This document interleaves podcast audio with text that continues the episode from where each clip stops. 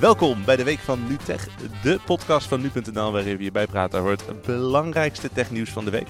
Ik ben Bastiaan Vroegop. En ik ben Rutger Otto en deze week gaan we het nog even hebben over de DDoS aanvallen en de lancering van 2018, die van de Falcon Heavy. Dit is de Week van NuTech.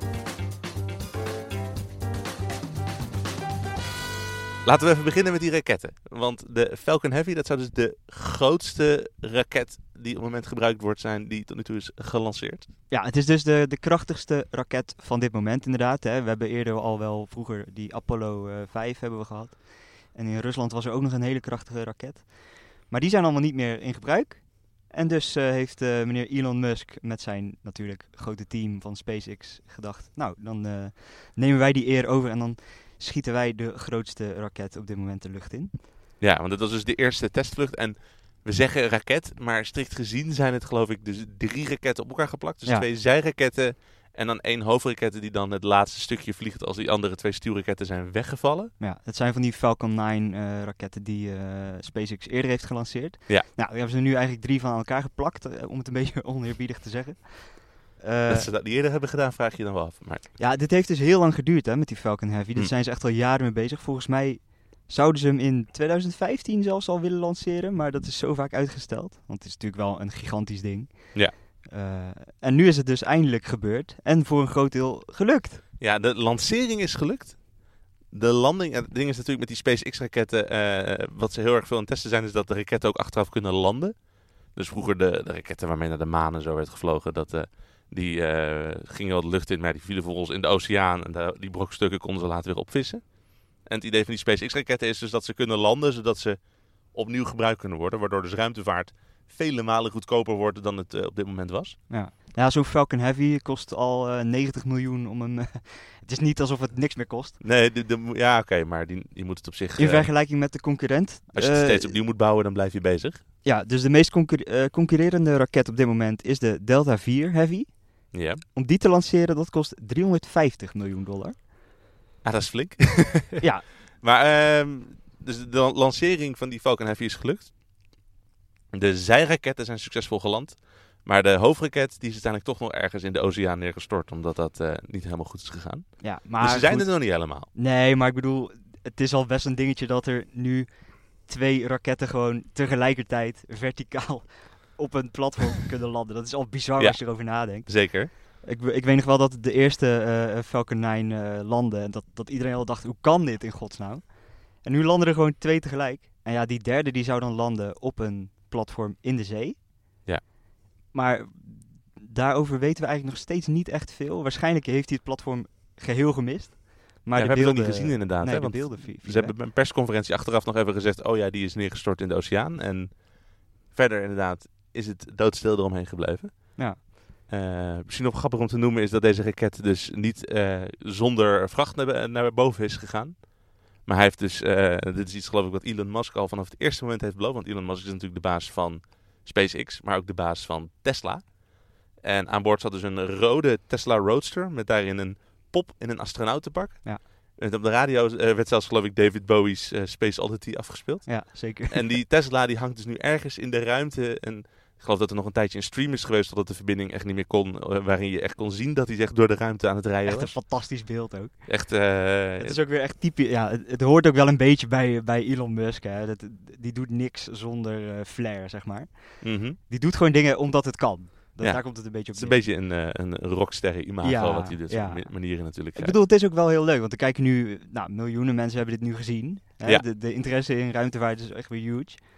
En om dan gewoon als een soort stunt zo'n zo'n auto met een pop om de aarde voor honderden miljoenen jaren, of weet ik veel hoe lang, eh, te, laten, te laten gaan, is natuurlijk wel, eh, ja, mooi om te zien ook. Ik zag ook dat er in die Tesla een eh, printplaatje zit.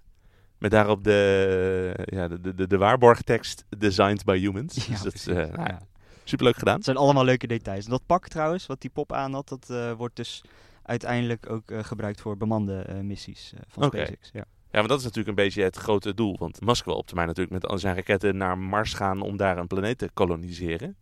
Zijn we dan nu echt gewoon concrete stap verder nu dit eh, gelukt is? Of Nou, we zijn wel, denk ik, weer een stap verder, ja. Want Ik bedoel, die, die, die Heavy moet het uiteindelijk eh, het zware werk gaan doen en de mensen daadwerkelijk naar Mars gaan eh, lanceren. Ook voor wat ik weet, die Falcon Heavy, als hij zeg maar iets in een baan om de aarde moet krijgen, dan kan hij in totaal 68.300 kilogram de lucht intillen. En inderdaad, als we dus een Mars-missie zouden hebben, dan zou die eh 16.800 kilo kunnen tillen. Als je een hele planeet wil koloniseren, is dat natuurlijk in het grote plaatje niet heel veel. Maar we zijn natuurlijk wel een stuk dichterbij inderdaad dan met alle eerdere raketten die tot nu toe door SpaceX daarvoor getest zijn. Ja, ja, en als je dan een paar eh, raketten met bevoorrading eh erachteraan moet sturen, is het wel fijn dat het ook een beetje betaalbaarder wordt natuurlijk op deze manier. Dat is wel zo. Van tevoren had eh, Elon Musk al wel een beetje eh, zichzelf ingedekt en alles een beetje gedownplayed ook. Mhm. Omdat hij zei, de raket, het zou al een wonder zijn als die de lucht inging, zeg maar. Hè? De- dat was ook een deel van de spanning. Dat de, ik bedoel, je, je schiet zomaar drie van die raketten de lucht in. Dan is het natuurlijk wel even de vraag of het ook allemaal werkt. Mhm. En of die niet halverwege het opstijgen helemaal ontploft. dat was dus uiteindelijk niet zo. Eigenlijk ging het helemaal prima. Nee, bedoel, dat is op zich wel inter- interessant dat je dat zegt. Want het zijn natuurlijk hele spannende tijden geweest voor SpaceX. We hebben al eens een keer een eh, explosie gehad bij een eh, testvlucht van eh, de gewone Falcon. En ja, inderdaad, dit was inderdaad dus constant uitgesteld, uitgesteld, uitgesteld. En het is inderdaad gewoon een test. Het had inderdaad gewoon compleet mis kunnen gaan. En eh, het valt ergens mee gezien hoe het vorige keer bij hun gegaan is. Het is natuurlijk wel interessant om te zien hoe eh, Elon Musk van de ruimtevaart toch weer een soort van tech-onderwerp maakt. Ik weet niet hoe het bij jou is, maar alle mensen die ik van eh, techbedrijven of mede techjournalisten spreek, die zijn hier opeens allemaal heel erg mee bezig. En ik heb het gevoel dat dat nooit echt het publiek was dat heel erg veel bezig was met bijvoorbeeld eh, nieuws vanuit NASA en dat soort dingen. Bij ons nu.nl was eh, nieuws over dit soort SpaceX-lanceringen of eh, NASA-lanceringen in het verleden ook al vaker meer een wetenschapsonderwerp. En nu zijn we er met tech wat meer mee bezig. Tegelijkertijd heb je natuurlijk ook nog Jeff Bezos eh, van Amazon, die ook weer zijn eigen ruimtebedrijf heeft. Dus het lijkt er echt een beetje op dat. Het lijkt haast alsof al die techmiljoenen die we al eh, van al die investeerders waar we altijd van horen, nu eindelijk een beetje richting die wat serieuzere ruimtetak lijken te gaan. Ja, ik denk ook wel dat Elon Musk daar een grote rol in heeft gespeeld. Ik bedoel, hij heeft natuurlijk wel een tech-achtergrond, hè, zelf Mhm. al. En zou, het, zou het misschien ook zoiets zijn van die mensen die, zoals Elon Musk en zoals Jeff Bezos, die hebben ongeveer de hele wereld al veroverd, dat ze toch maar eens wat verder gaan kijken. Wat kunnen we nog meer gaan bereiken buiten de wereld? Ja, misschien. En misschien is, het, ja, misschien is het ook gewoon puur een persoonlijk interesse ding van hey, ik wil altijd al iets met ruimte doen en ik had er nooit de ruimte voor. Hey. Hey. Eh, en nu zijn ze inderdaad op een, in zo'n grote machtspositie. Want Jeff Bezos is een super invloedrijke man. Eh, Elon Musk natuurlijk ook. Die kunnen natuurlijk nu pas gewoon al dat geld van al die investeerders een bepaalde kant op pushen. Dus ja, ja een beetje een persoonlijk eh, projectje op deze manier. Ja. Dus eh, ah, ik ben benieuwd. Het is, ik heb gewoon nog nooit zoveel interesse voor zo'n eh, raketlancering gezien als dit hoor. Ja, en dit is dus nog maar het begin, hè? Dus er komen nog hartstikke mooie tijden aan, denk ik. Wordt leuk.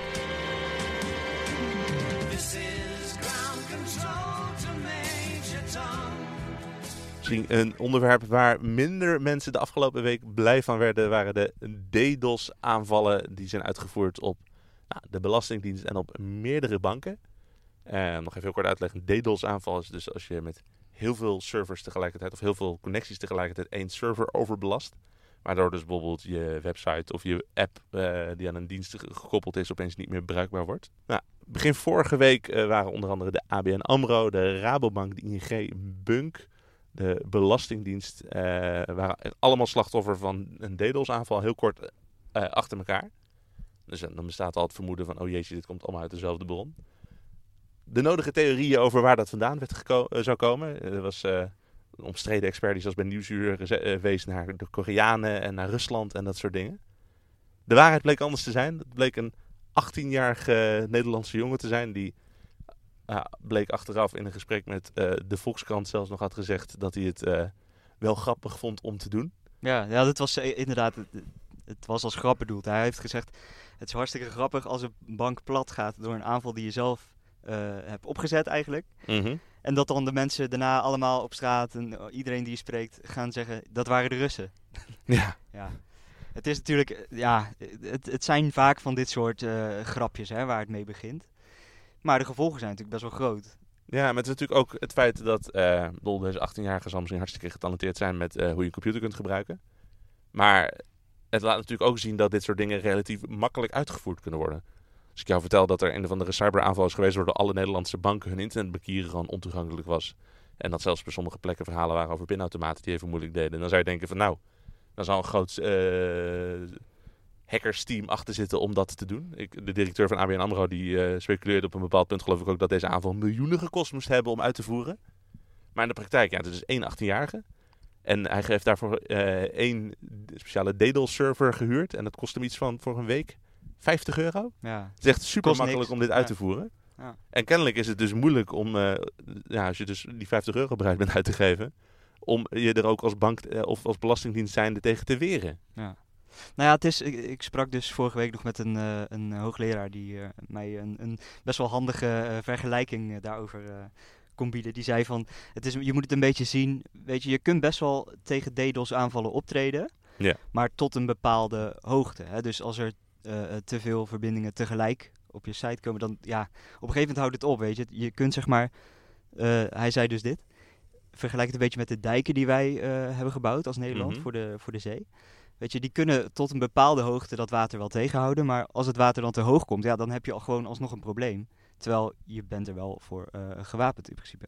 Dan zou je kunnen zeggen dat deze jongen bij die aanvallen enigszins onvoorzichtig is geweest. Eh, het bleek dat hij bijvoorbeeld op een bepaald punt tweakers, eh, de website tweakers ook had aangevallen. En daarbij had hij niet zijn IP afgeschermd, waardoor het allemaal gelinkt kon worden aan een forumaccount dat hij had. En hij heeft meerdere media heeft hij ook actief geprobeerd te bereiken om de aanval te claimen. We hebben zelf eh, daar geloof ik ook nog een mailtje over gehad van een aantal mensen die zeiden dat ze dat aanval hadden uitgevoerd. Maar het is zodanig lastig om natuurlijk te bewijzen of dat ook werkelijk het geval is. Want Ja.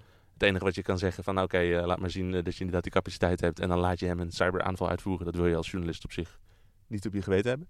Maar je kan je natuurlijk voorstellen dat stel je voor iemand is voorzichtiger geweest en heeft minder de drang om naar de media te stappen om die aanval te claimen of er de aandacht op te vestigen.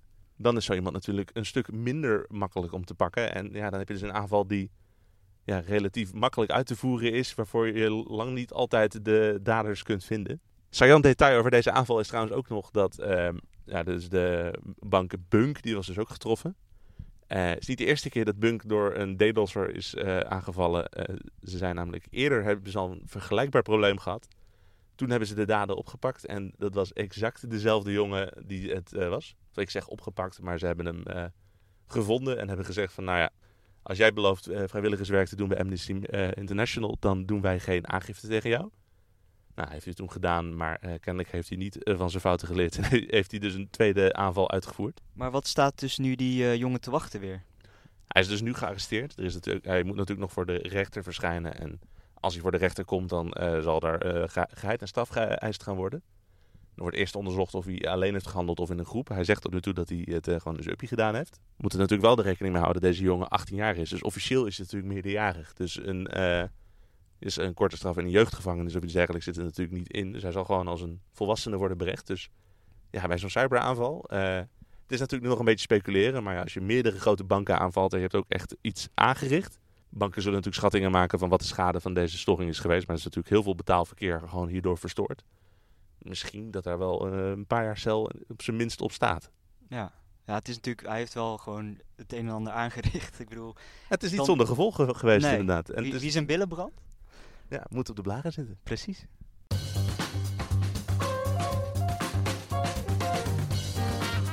En dat was hem weer voor eh, deze week van NuTech. Volgende week zijn we er natuurlijk weer. En tot dan kun je ons bereiken op tech.nu.nl. Uiteraard ook op Twitter, Facebook of gewoon in de nu.nl app. Tot volgende week. Doei.